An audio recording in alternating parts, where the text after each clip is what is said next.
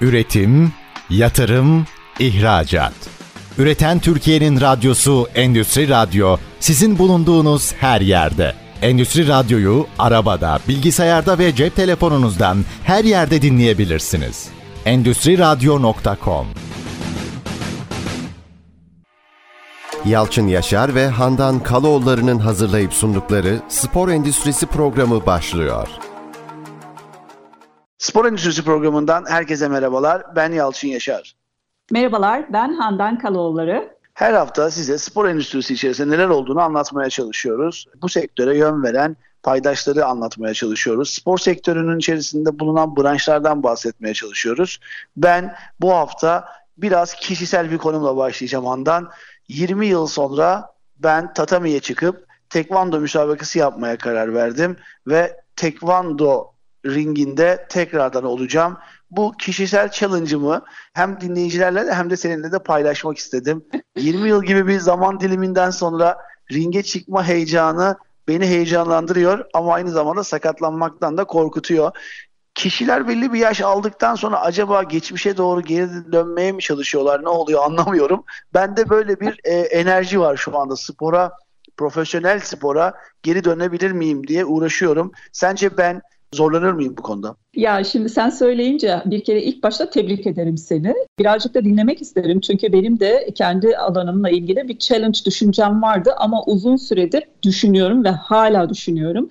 Aklıma gelen görsel ise muhtemelen yarın paylaşırım. Mbappe de direkt olarak tekvandoya başlıyor, karateye daha doğrusu başlıyor ve karateye başlarken böyle çok iddialı, çok hazırlıklı bir vaziyette böyle gidiyor. işte alanda duruyor, üstündeki kıyafetleri düzeltiyor. Evet diyor, hazırım diyor.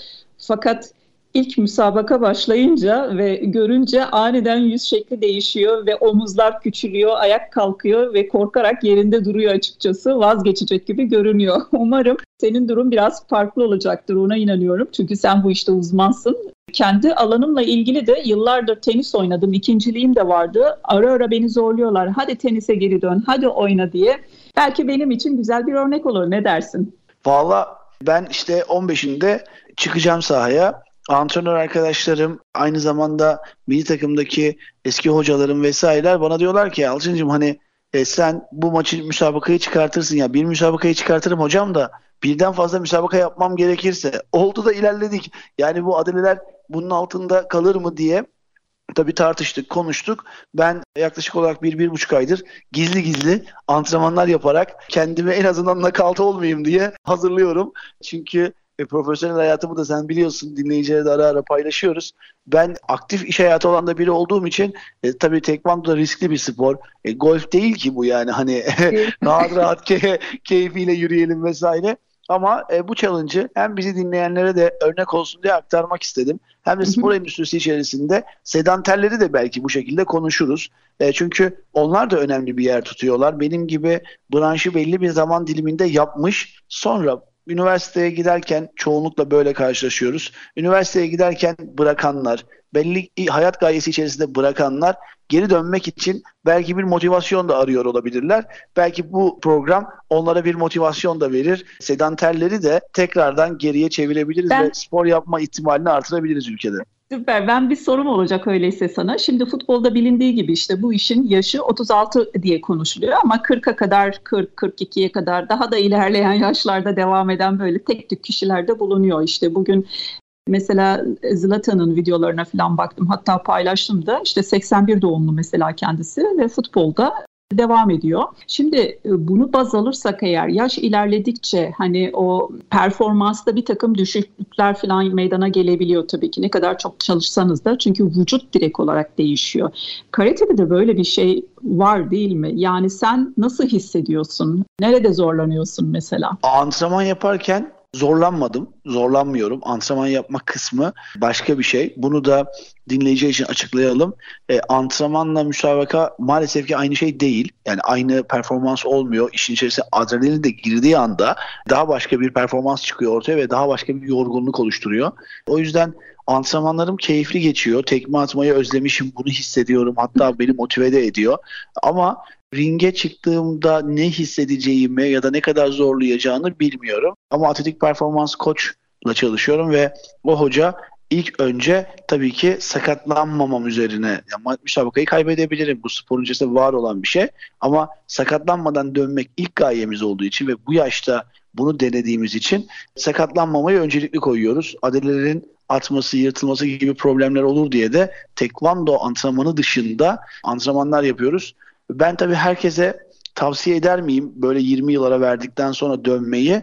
E tabii ki pek kolay olmaz ama ben zaten 20 yıl içerisinde sadece müsabaka yapmadım. Dönem dönem antrenmanlar yaptığım için kendimi çok uzaklaşmış gibi hissetmiyorum. Dinleyiciler de o yüzden hani özellikle de böyle agresif diyebileceğimiz, daha yüksek tempolu diyebileceğimiz dövüş sporlarıyla ilgilenmiş bireylerse hani böyle hadi be ben de yarın tekme atayım ringe çıkayım olmuyor maalesef. Öyle bir durum söz konusu değil. Ve ben şu an kondisyon çalışıyorum ve beraber çalıştığım gençlerle bana göre gençlerle hadi kendimizi de bu kadar yaşlandırmayalım. Bana göre e, bana göre olan gençlerle müsabaka yapıyorum. Kötü değilim ama çok da iyi değilim.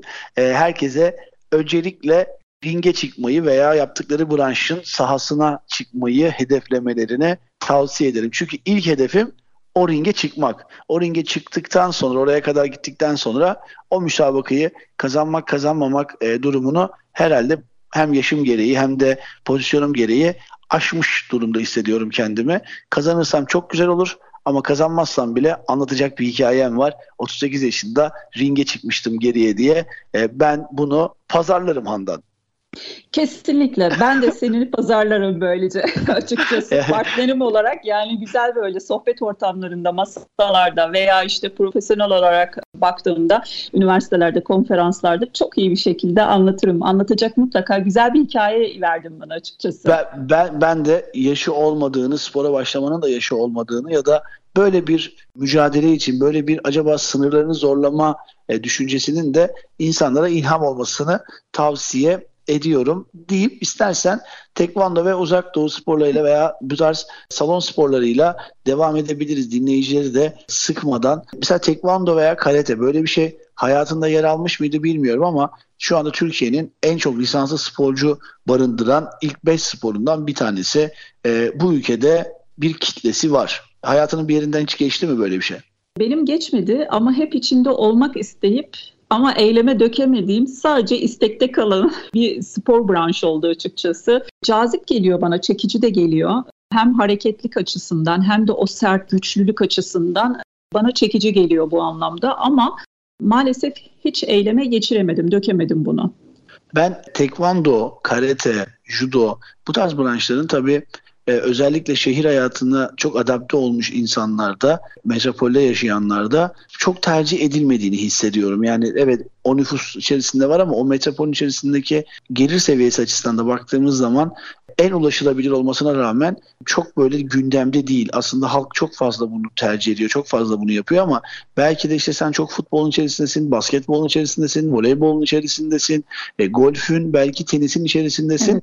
Böyle çok arkada sessiz sedasız giden bir branş. Medyada maalesef ki e, bazen dünya şampiyonasında falan yer alabiliyor. E, böyle bir handikapı olan branş ve branşlar bunlar. E, bizim sayemizde belki izleyicilere ve dinleyicilere ulaşıyor. Ben tekvandonun önemli bir performans sporu olduğunu ve Do felsefesinin aslında çocuklara anlatılması gereken önemli bir felsefe olduğunu. Çünkü ahlaktan bahseden, doğru ahlaktan bahseden, doğru insan olmaktan bahseden, insanların dövüş sporu gibi baktığı ama aslında bir savunma sanatı ve kendini koruma sanatı olan keyifli bir branş ve branşlar. Bunların tamamına da böyle bakmak gerekiyor.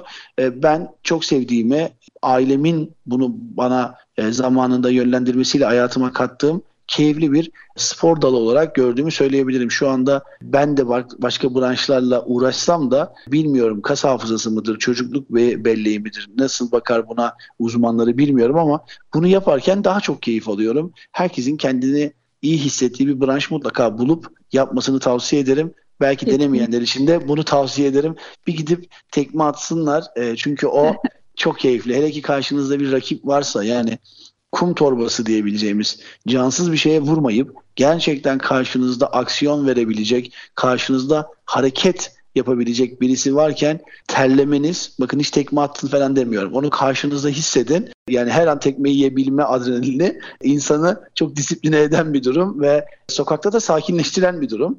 E, o yüzden belki de ülkenin çok büyük bir kısmının tekvando yapması da ülke için önemli bir yer tutuyor olabilir diye de işe birazcık da mizah katıyor aileler özellikle ebeveynler çocuklarını özellikle kız çocuklarını bu anlamda yönlendirmelerde bulunuyorlar. Benim hani denk geldiğim kişiler oldu ebeveynlerde özellikle. Hani kendilerini korunmaya ve savunmaya yönelik spor anlamında böyle bir takım duyumlar aldım veya sohbet ortamlarında geçti veya bunu eyleme döken ebeveynleri de gördüm fazlasıyla. Dolayısıyla bu anlamda da katkı sağlıyor ama önemli olan burada tabii ki işte karateyi de sevip tıpkı hani kızların daha çok jimnastiğe yatkın olması, jimnastiği daha çok benimsemesi gibi erkeklerde de genelde karate kısmı daha çok e, görülüyor. Kızlar bunu bir süre sonra filan yarıda bırakabiliyor. Yani uzun süre sürdürebilirliği açıkçası talep görmüyor diyebilirim o anlamda anlamda. Yani daha doğrusu benim karşılaştığım örneklerde bunu gördüm hep. Bu nedenle sadece ebeveynler evet spor olarak düşünerek hareket edebilirler ama aynı zamanda arka planda zihinde gizli düşünce olarak tabii ki çocukların özellikle kendilerini koruma ve savunma sanatına yönelik kaymaları açısından genelde ebeveynler yönlendiriyorlar çocuklarını. Ben de çocukların özellikle başlangıç seviyesinde bir koruma kendini korumayı öğrensin mantığıyla ailelerin e, gönderdiğini öğreniyorum ve e, gözlemliyorum. Ben geçen gün bir antrenörün paylaşımının altındaki yorumu okudum, yazıyı okudum. Daha doğrusu antrenörün paylaştığı fotoğrafın altındaki yazıyı okudum ve çok hoşuma gitti. E, bunu da dinleyicilerle de paylaşmak isterim. Çünkü zannediyorum o kulüp ve o antrenör o sene hiç kupa kazanamamış bir takımdı galiba ve arkasından belki aileler, belki sporcular antrenörlerini eleştirdiler ve antrenörün de şöyle bir yazı yazmaya ittiler diye anladım. Çünkü tanımıyorum kişileri. Evet bu sene kupa kazanmamış, bu sene müsabaka kazanma konusunda başarılı olmamış olabiliriz. Ancak ekip olmayı öğrendik. Ancak zamanında gelmeyi, zamanında gitmeyi öğrendik. Kıyafetlerimizi doğru bir şekilde katlayıp çantamıza koymayı, o kıyafetleri daha sonra eve götürmeyi öğrendik. Ekip olmayı öğrendik. Bunlar bize bu sene kazandığımız önemli şeyler değil midir? Bunlar da bizim için bir kazanım değil midir? Spor sadece kupa ve madalya mıdır gibi aslında e, çok doğru bir anlatımla e, belki üzgünlüğünü yanlış yorumluyor aileler ve veliler diyemediği için bu bakış açısına itmeye çalışan çok keyifli bir paylaşım gördüm. Sporun hangi dalını yapıyorsak yapalım. Bana da sorarsan antrenör gibi düşünüyorum. Evet kazanamayabiliriz ama ben mesela şu anda kazanamaya da bilirim. Ama beni motive eden bir şey var. Antrenmanımı planladım, günümü planladım, ter atıyorum, daha çok endorfin salgılıyorum, daha mutlu uyuyorum, daha mutlu uyanıyorum. Ee, bir spora giderken ailelerden en büyük ricam galiba bu olur. E, madalya ve kupa gelirse sporu taçlandırır ama gelmezse de spor insana çok şey öğretir diye ben 30 yılı aşkın süredir sporcu ve sporun içerisinde olan birisi olarak bunu tavsiye edebilirim. Bilmiyorum senin görüşün ne olur? Kesinlikle tavsiye ederim. Sen şimdi e, anlattıkça, bahsi geçtikçe açıkçası benim zihnimde direkt olarak Usta Miyake canlanıyor. Usta Miyake filmini bilmiyorum hatırlar mısın? Tabii. Bayılarak izlediğim, herhalde beş kez falan izlediğim bir filmdi açıkçası. Tabii ki herkese yani tüm çocuklara sporun her alanını zaten tavsiye ederim ama özellikle karate kısmında kişinin kendine yani bir e, çocuğun ebeveynleri tarafından yönlendirilerek kendini savunma sanatıyla ortaya çıkması yani bu şekilde yönlendirilmesi cazip olabilir büyük şehirlerde veya daha farklı şehirlerde. Ama tabii ki hani kirli düşünceler de olmamalı diye düşünüyorum. Hani bu birazcık kendini savunmadan çıkıp da işte mahalledeki birazcık daha kabadaylığa doğru gitmemesi gerekiyor. Tabii hücuma evrilmiyor. Garip bir şekilde bu branşı içerisine girdiğiniz zaman hücum etmemeniz gerektiğini de size hem antrenmanınız hem hocanız hem antrenman stiliniz size bunu yavaş yavaş öğretiyor. Ben sokakta bu sporda yapan insanların daha az dövüş, daha az kavgaya girdiğini bile söyleyebilirim. Çünkü burada bir terbiye de var. İstersen evet. şimdi bir araya gidelim ve o aradan sonra da şunu yapalım. Takım sporları ve bireysel sporların arasındaki öğretileri, artıları, eksileri, belki de hiç artısı eksisi yok. Hepsi aynıdır. E, ama bunları da konuşarak hangi branşa yönlendirme konusunda kaygı yaşayan ya takım sporu mu yapsa, bireysel spor mu yapsa diye düşünen ailelerimiz de vardır elbet. Onlara da bir şey söylemeye çalışalım diyorum ve kısa bir araya gidiyorum. Aradan sonra konuşmaya devam ediyor olacağız. Üretim, yatırım, ihracat. Üreten Türkiye'nin radyosu Endüstri Radyo sizin bulunduğunuz her yerde. Endüstri Radyo'yu arabada, bilgisayarda ve cep telefonunuzdan her yerde dinleyebilirsiniz. Endüstri Radyo.com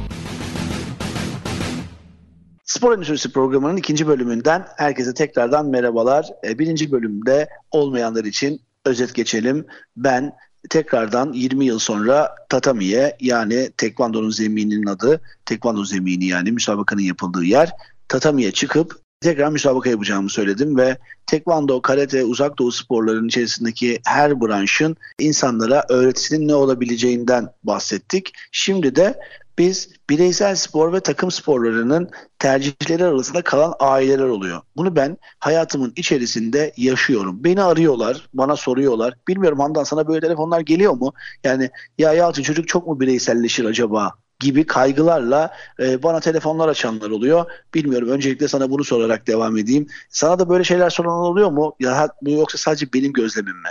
Yok hayır soruyorlar açıkçası. Genel etkiler hani birazcık daha sosyalleşme ve yalnızlaşmamasına yönelik aile ebeveynlerinin yani tedirginliklerinin en başında bu geliyor. Bir de diğer şey de bizim çocuk işte çok iyi, çok başarılı. Her zaman için o çocuk yani her ebeveyn için kendi çocuğu tabii ki muhteşem biridir, muhteşem bir bireydir. Bazen kendi hatalarını veya kendilerini yanlış yönlendirmelerini falan göremiyor olabilirler. O yüzden doğru spor dalını da seçemeyebiliyorlar. Bundan dolayı bireyselle doğru yönlendirme yaptıklarında aslında takım sporlarında çok daha başarılı olabileceklerini görebilir, görebileceklerine inanıyorum. Takım sporları biraz daha iyi açıkçası. Takım branşlarının tabi sahaya takım olarak çıkmak yani takım branşı deyince işte basketbolu, futbolu, voleybolu söyleyebiliriz. Bunlar e, takım olarak hareket edilen ama tekvando gibi, yüzme gibi, belki atletizm gibi onların da içerisinde takım olanları var ama e, bunların bireysel olarak yapılanları da bu şekilde size kısaca sınıflandırabiliriz. Tabi bireyselleşiyor mu? Ben bir bireysel sporcuyum, tekvando sporcusuyum. Bireyselleşiyor muyum? Hayır bireyselleşmiyorum. Ama takım oyuncusu kadar da e, belki oyunun içerisinde bana müdahale edecek veya beni artıya eksiye indirecek kimsenin olmaması sebebiyle de bireysel kalıyorum. Bu benim tercihim değildi. Ailemin bana e, benim henüz aklı selim olmadığım yıllarda verdiği ve tercih ettiği benim için bir branştı. Ve şimdi düşünüyorum beni çok da böyle yalnız, tek başına mücadele eden hayatın içerisinde beni nasıl konumlandırdığına bakıyorum Evet ben bütün artısını eksisini sahada kendim yaptığım için hayatın içerisinde de sanki bunu yaşıyor gibiyim şu anda. Yani bir ekibin tüm parçalarını sanki tek başıma tamamlayabilirmişim gibi hissediyorum. O yüzden benim gözümde takım branşları da bireysel branşlarda kendi içinde farklı şifreler barındırıyorlar. Ve kişisel olarak karakter oluşumunda önemli yerde tuttuklarını düşünüyorum. E, ben o yüzden takım mı yapsın, bireysel mi yapsını e, çok böyle ayıramıyorum birbirinden. Yani bir çocuğun belki de tek başına mücadele edebilecek gücü de bireyselden alıyordur. Yani keşke bireysele gitseydi diyebileceğimiz çocukları takım sporuna da yönlendiriyor olabiliriz. O yüzden bu bende çok iç içe geçmiş bir konu. Bunu ayıramadığımı ben kendi profesyonel ve kişisel tercihim olarak ayıramadığımı söyleyebilirim. Çünkü bireysellerin de takımı var. İşte ben tekvando sporcusuyum. Ben 60 kiloda dövüşürdüm. 90 kiloda dövüştüğüm zamanlar oldu. E ama o takımın 57 kilosu var, 63 kilosu var, 70 kilosu Değil var, 100 kilosu var. E bunların hepsine bakınca e onlar da takım. Aynen öyle katılıyorum. O şekilde değerlendirince evet kesinlikle takım olarak ama e, aslında benim kastettiğim hani basketbol gibi, futbol gibi, voleybol gibi ve handbol gibi ve diğer branşlar gibi biraz daha özellikle arkadaşlarıyla hani iç içe olmayı, paslaşmayı paslaşmamayla birlikte işte nasıl diyeyim hani e, kazancı da üzüntüyü de kaybetmeyi de bir arada yaşatan böyle bir takım takım bir ekip olma ruhu kısmını bu birazcık daha da acaba sosyalleştiriyor mu diye, sosyalleştirmiyor mu veya hani kendini birazcık daha içe mi çekiyor veya daha çok mu dışarıya yansıtıyor gibi o soru işaretlerinin cevaplarını aslında bulmamızı sağlıyor.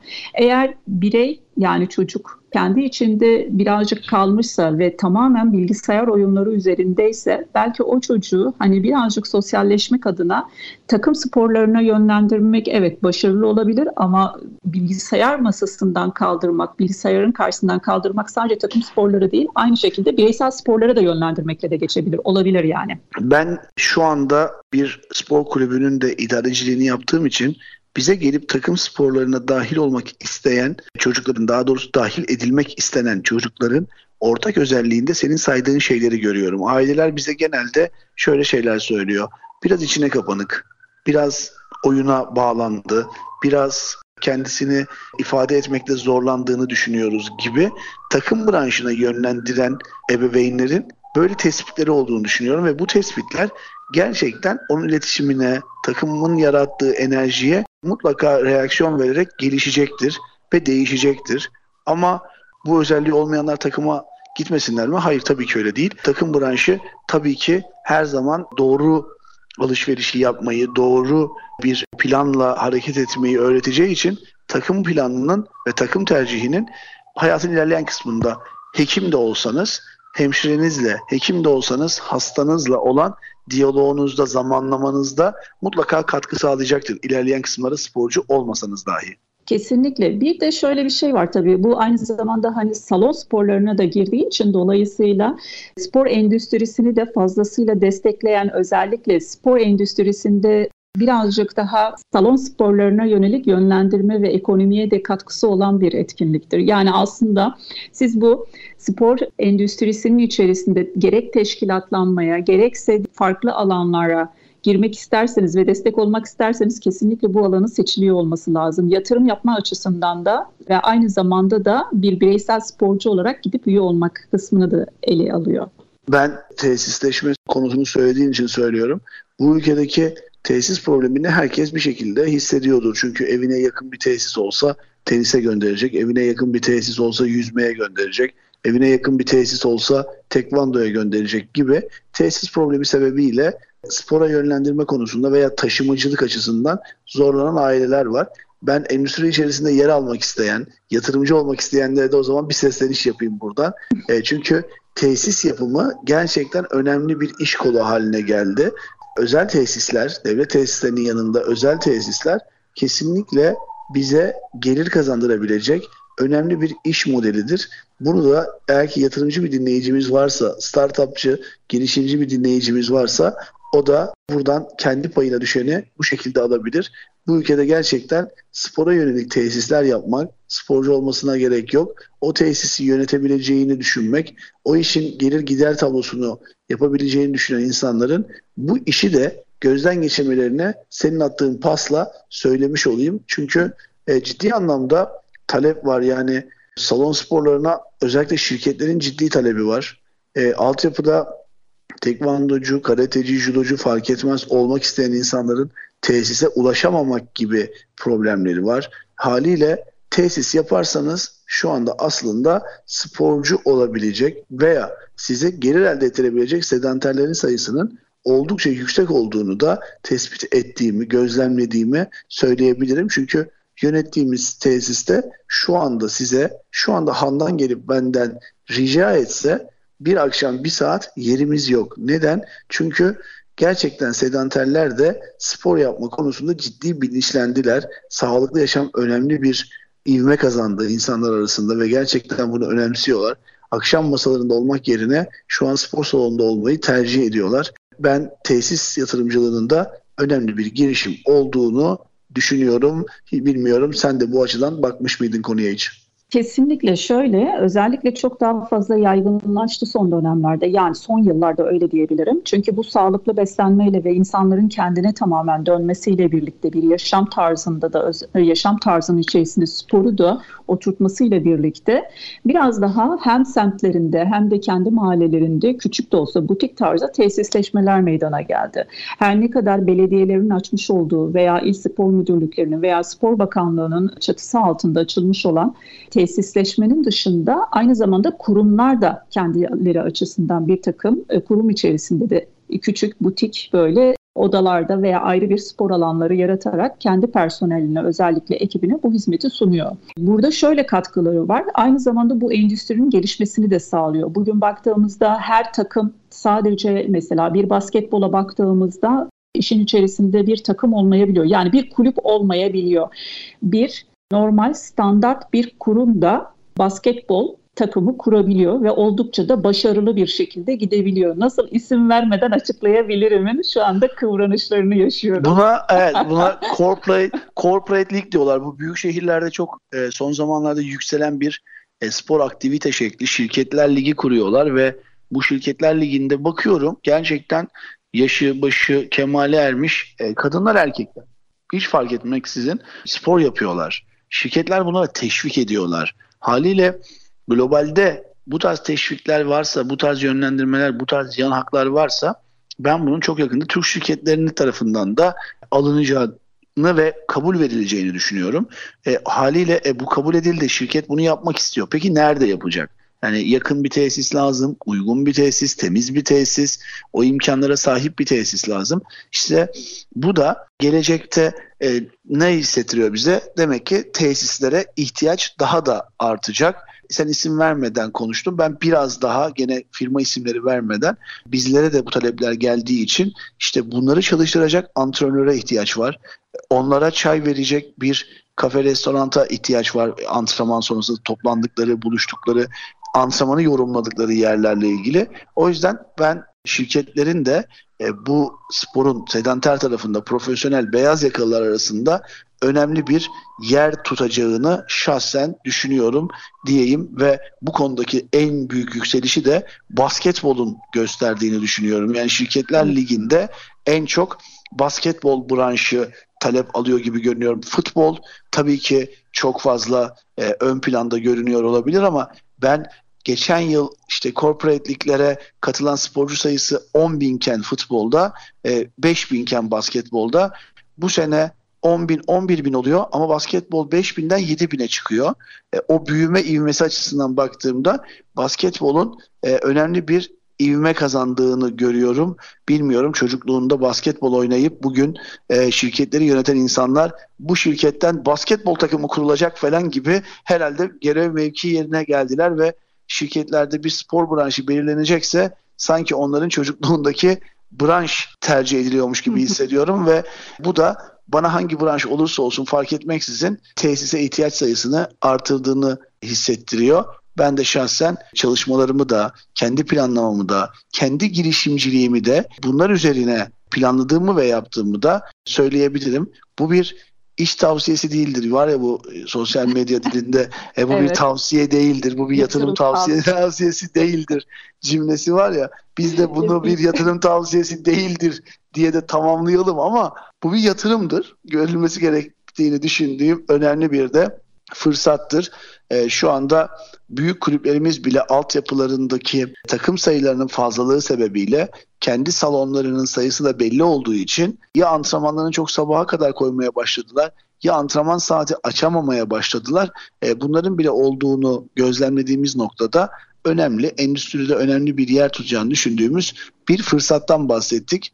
E, bu fırsatı evet. Pardon altını artı bir parantez eklemek istiyorum. Yatırım fırsatı evet olabilir. Hani bu bir değerlendirilebilir ama doğru fizibiliteyi yaptıktan sonra diyelim.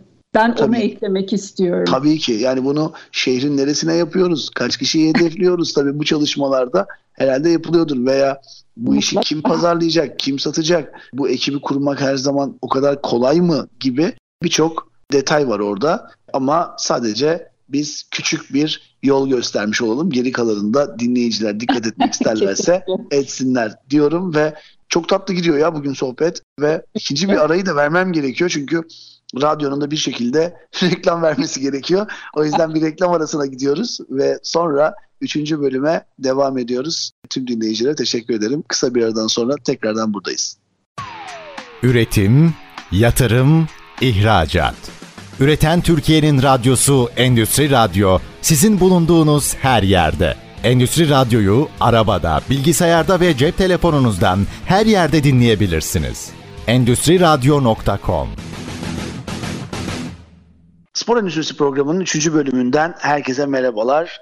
Biz ilk iki bölümde bireysel sporları ve takım sporlarını konuştuk. Şirket liglerinin aslında sedanterler arasında sporun yaygınlaşması konusunda ne kadar önemli bir yer tutacağını ve bu değerlerin de uzun vadede bir yatırım fırsatı doğuracağını anlatmaya çalıştık. Çünkü spor tesisi işletmeciliği de önemli bir yükseliş içerisine geçebilir diye bahsettik ve son bölümde tabii ki tüm dünyanın gözünün üstünde olduğu biraz da Dünya Kupası'ndan bahsedelim. Dünya Kupası da şu anda Katar'da oynanmaya devam ediyor ve Katar'ın ev sahipliğinde bilmiyorum tüm dünyanın verileri muhtemelen şampiyona bittikten sonra bir yerlerde mutlaka yayınlanacaktır. Haziranda, Temmuz'da olması durumunun izleyici kitlesiyle şu anda Kasım'da, Aralık'ta oynanıyor olmasının izleyici kitlesi ve yarattığı ekonomik değer aynı mı olacak ya da aynı mı oluyor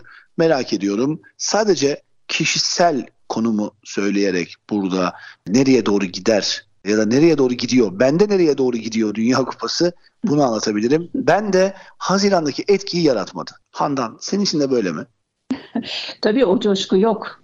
Bende yani, de yok bunun bunun sebebini güneşe mi bağlamalıyız? Bunun sebebini şu anda çok yoğun iş temposu içerisinde olduğumuz için gündüz maçlarından birkaç tanesini kaçırdığımız için devamını takip edemedik. Yarım kaldı. Bu filmi yarım izleyeceğime en baştan daha sonra izlerim gibi böyle hedefler koyup bütün maçları sonra izleyeceğim gibi hayallerim var ama yapabilir miyim bilmiyorum. Bu beni bir şekilde ucundan kaçırdım, yakalayamadım ve gün içerisindeki iş yoğunluğundan takip edemediğim için ve belki de gerçekten şu anda güneşin o yarattığı açık havada izleme keyfini yakalayamadığım için beni içine çekemedi. Bende böyle bir ekonomik kayıp var Dünya Kupası'nda. Dünya üzerinde de böyle bir etki yaratmışsa bunun sonucunda FIFA kendini sorgular mı? doğru karardı, yanlış karardı gibi. Çünkü her organizasyonun bir para döngüsü gerekiyor ya. Belki bu Katar için çok gerekli olmayabilir ama dünyanın spor ekonomisi açısından, dünyanın futbol ekonomisi açısından çok değerli bu tarz şampiyonlar. Çünkü dört yılda bir kere oluyor.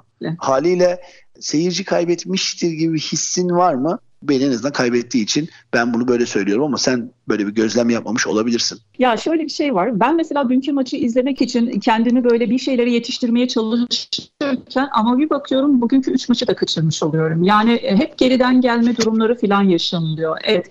Bir de Bununla birlikte o tam anlamıyla maçlara kanalize olmak, izlemek, özellikle yaz dönemine denk gelmemesi, kış dönemine denk gelmiş olması ve günlerin uzunluğu, kısalığı, Böyle bir takım handikaplar da var benim aklımda, soru işaretler de var. Evet, özellikle yani lig bittikten sonra bakalım kupanın sahibi kim olduktan sonra daha doğrusu o 42 milyon doların sahibi kim olduktan sonra o netleşecek ve netleştikten hemen sonrasında da benim için önemli olan işte datalar.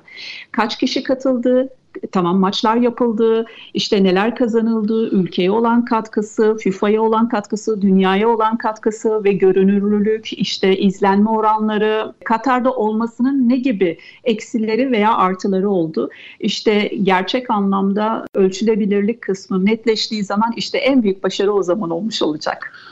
Ben bu verilerin en erken zamanda çıkmasını bekleyenlerden birisiyim. Çünkü ben şampiyonanın bu tarihte bu ülkede olmasını e, en baştan bu yana kendim bireysel olarak onaylamayanlardandım. E, ama e, umarım şaşırırım. Umarım Dünya Kupası değer kaybetmemiştir. Futbol ekonomisi değer kaybetmemiştir diyorum. Çünkü tribünler dolu. Şehirde gezip gezemediklerini, alışveriş yapıp yapamadıklarını bilmiyorum. Ama tribünleri dolu görüyorum. Şampiyonada özetlerde gördüğüm kadarıyla maçların çok büyük bir kısmı dolu oynandı. E, bunlar tabii ki o ülke için bir e, ekonomi ama işte dataya da ben çok önem veriyorum. Senin de önem verdiğin gibi. Maç biletleri hediye mi edildi, satıldı mı? Bu maç biletlerinin içerisindeki insanlar nasıl bir harcama yaptılar? E, stadyum gelirleri ne oldu? Shopların geliri ne oldu?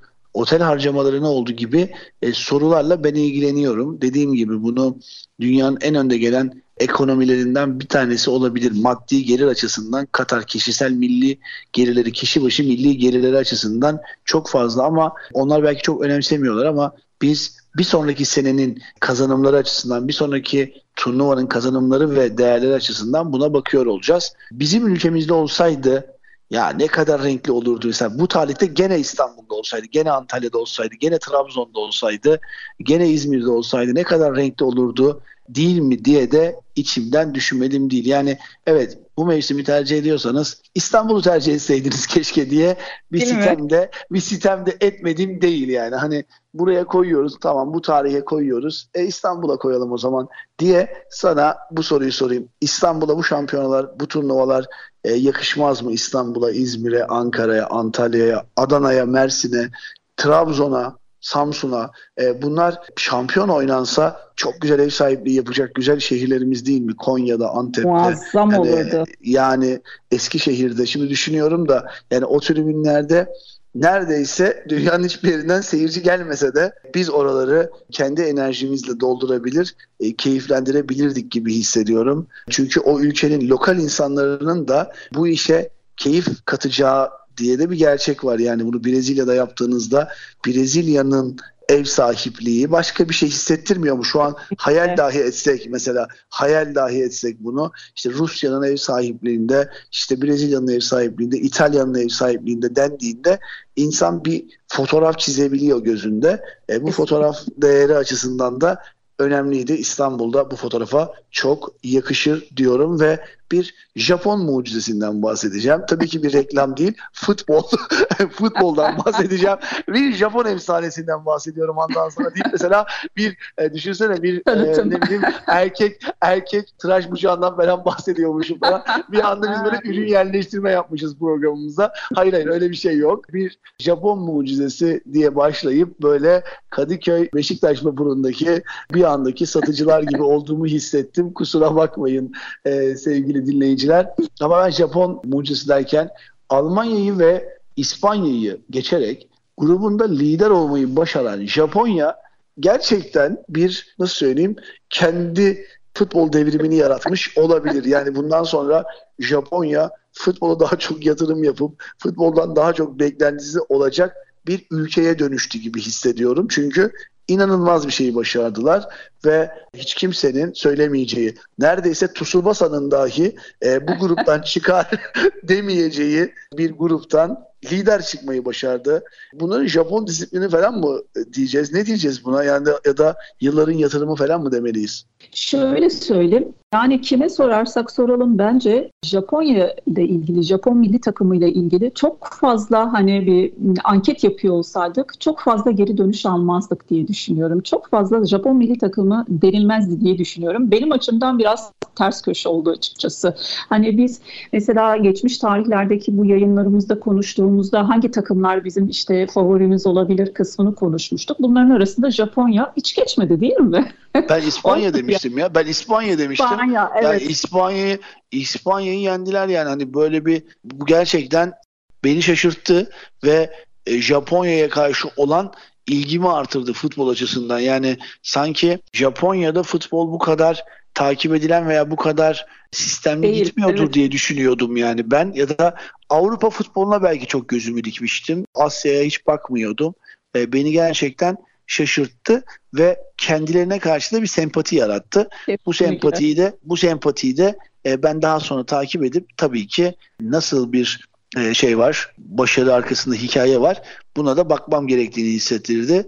Ben çok memnunum böyle bir başarının ve böyle bir sürprizin gelmiş olmasından da gerçekten memnunum. Çünkü büyük sürprizler oluyor. Takip edemesem de bütün maçları e, şey olarak bir 90'ar dakika olarak sonuçlara baktığımda şaşırdıklarımdan bir tanesi de yani Belçika hani bu sene favori olabilecek önemli bir takımdı. Uzun yıllardır beraber oynayan genç neslin artık olgunlaştığı ve bu olgunluğun artık başarı getirir dediğimiz e, yerinde Japonya'nın lider çıktığı bir yerde Belçika'nın gider dediğimiz yerde turnuvaya veda ettiği bir şampiyonaya dönüştü.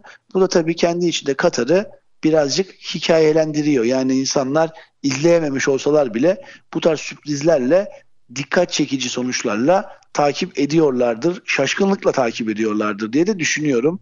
Japonya gibi Belçika'nın da vedasının sürprizi karşısında şaşkınım. Sen de mesela işte Lukaku'nun olduğu e, bir forvetinin Lukaku olduğu bir yerde ya da Fenerbahçe'de oynayan Başuay'ın olduğu Belçika'nın e, turnuvaya veda etmiş olmasının şaşkınlık verici olduğunu düşünmüyor musun yani? Gerçekten şaşkınlık verici yani hani ve e, beklemediğim beklemediğim bir sonuç. Yani böyle sürprizler var. Futbolda keyifli yapan biraz bu mudur ya acaba Handan? Çünkü futbol böyle çok da adil bir oyunmuş gibi gelmiyor bana. Yani hani o topun kaleyi sevmesi durumu var ya böyle vurursun bir, bir sürpriz bir şey olur ve gol olur ya da tam gole giderken düşürürler penaltı olur. Sen tüm 90 dakika boyunca rakip kaleye gidip direkleri dövmüşsündür. Kaleci efsane yaratmıştır. Girir gol olur ve bir anda sonuç değişir. Şu anda Kesinlikle. bir Fenerbahçe Galatasaray maçını hatırladım. 88. dakikada frikikten yediğimiz bir golle kaybettiğimiz ve çok iyi oynadığımızı düşündüğümüz bir maçta Johnson'ın attığı 88. dakikada attığı bir golle kaybettiğimiz bir maçı hatırladım da futbol gerçekten adil değil ya, ben sana söyleyeyim. bir şey söyleyeyim mi? Performans anlamında evet adil olmayabilir. Sen bunu sorunca benim de direkt aklıma hemen yine Tanrı'nın eli kısmı geliyor ya. Maradona. evet ya. Yani, yani kazınmış a, olan. Ger- gerçekten böyle sürprizlerin olduğu bir anlık bir hatayla ki şimdi Tanrı'nın eli konusunu birazcık varla kaybet yok etme ihtimalimiz oluşmaya başladı. Çünkü çok büyük bir ekonomiden bahsediyoruz ya şu anda. Bu ekonomide artık hakem hatalarının minimuma inmesi gerekiyor. Çünkü çok büyük gelirler el değiştirebiliyor. Ne demek el değiştirebiliyor? Tabii ki illegal bir şey yapılmıyor ama o, o kararla o maçın kazananının hak edişi başka bir takıma veriliyor. Ya da evet. beraberlik oluştuğu için gelirler paylaşılıyor gibi. Hayır. Gelirler kaybedilmesine de bir hakem hatasının bu kadar etki etmesinin önüne geçmeye çalışıyor spor endüstrisi ve spor teknolojisi. Ee, ben VAR'ın varlığından bugüne Tanrı'nın eli gibi bir golün olamayacağını düşünenlerdenim. Ha, hala bir tartışma konusu mu? Evet hala bir tartışma konusu. VAR'a güvenmeyenler var mı? Evet var. Ben güvenen taraftayım ve ümidim de futbolu daha da adil hale getireceği. Çünkü diğer türlüsünde biraz insani hataların oluşabilme ihtimali olduğu bir branştı diyorum ve son sözümü söylemiş olayım. Senden de toparlayıcı bir cümle alıp programı sonlandırayım. Ya varla ilgili zaten herkesin aklında galiba bazı soru işaretleri var. Aslında bu şüpheler ve soru işaretleri sadece sende oluşan tarzda değil, işte bende de veya diğer spor severlerde de aynı şekilde. Bunun da galiba TFF, Türkiye Futbol Federasyonu oldukça farkında ki özellikle bu konuyla ilgili işte geçtiğimiz ay bir organizasyonla bu VAR'la ilgili, VAR'ın tanıtımıyla ilgili bir takım basın toplantısı düzenledi ve bunu tanıttı açıkçası bu soru işaretlerini insanların zihninden direkt olarak kaldırabiliyor olmak adına. Türkiye Kupası çok renkli gidiyor ve şaşırtarak gidiyor, devam da ediyor. Ben özellikle Türkiye Kupası'nda yapılan dijital çalışmalar yani dijital pazarlama alanındaki çalışmaları çok başarılı görüyorum. Özellikle oradaki tanınmış olan futbolcuların kullanılması anlamında ve dijital anlamda sosyal mecralara veya işte diğer kanallara, platformlara gönderilen bir takım kısa videoların, viral videoların özellikle çok başarılı buluyorum ve bu anlamda da yani Türkiye'den de veya dünyadan da birçok e, futbol taraftarını da kendilerine bağladıklarına inanıyorum. Yani Türkiye Süper Ligi ve aynı zamanda Türkiye Kupası'nda tabii ki Türkiye'deki futbol ekonomisinde ciddi bir yeri olduğunu ben de düşünüyorum diyerek finalize ediyorum. Haftaya farklı bir konuyla, farklı gündemlerle tekrardan burada oluyor olacağız. Hepinize sağlık dolu, spor dolu bir yaşam dileriz. Teşekkürler. Sevgiyle ve sporla kalın. Teşekkürler.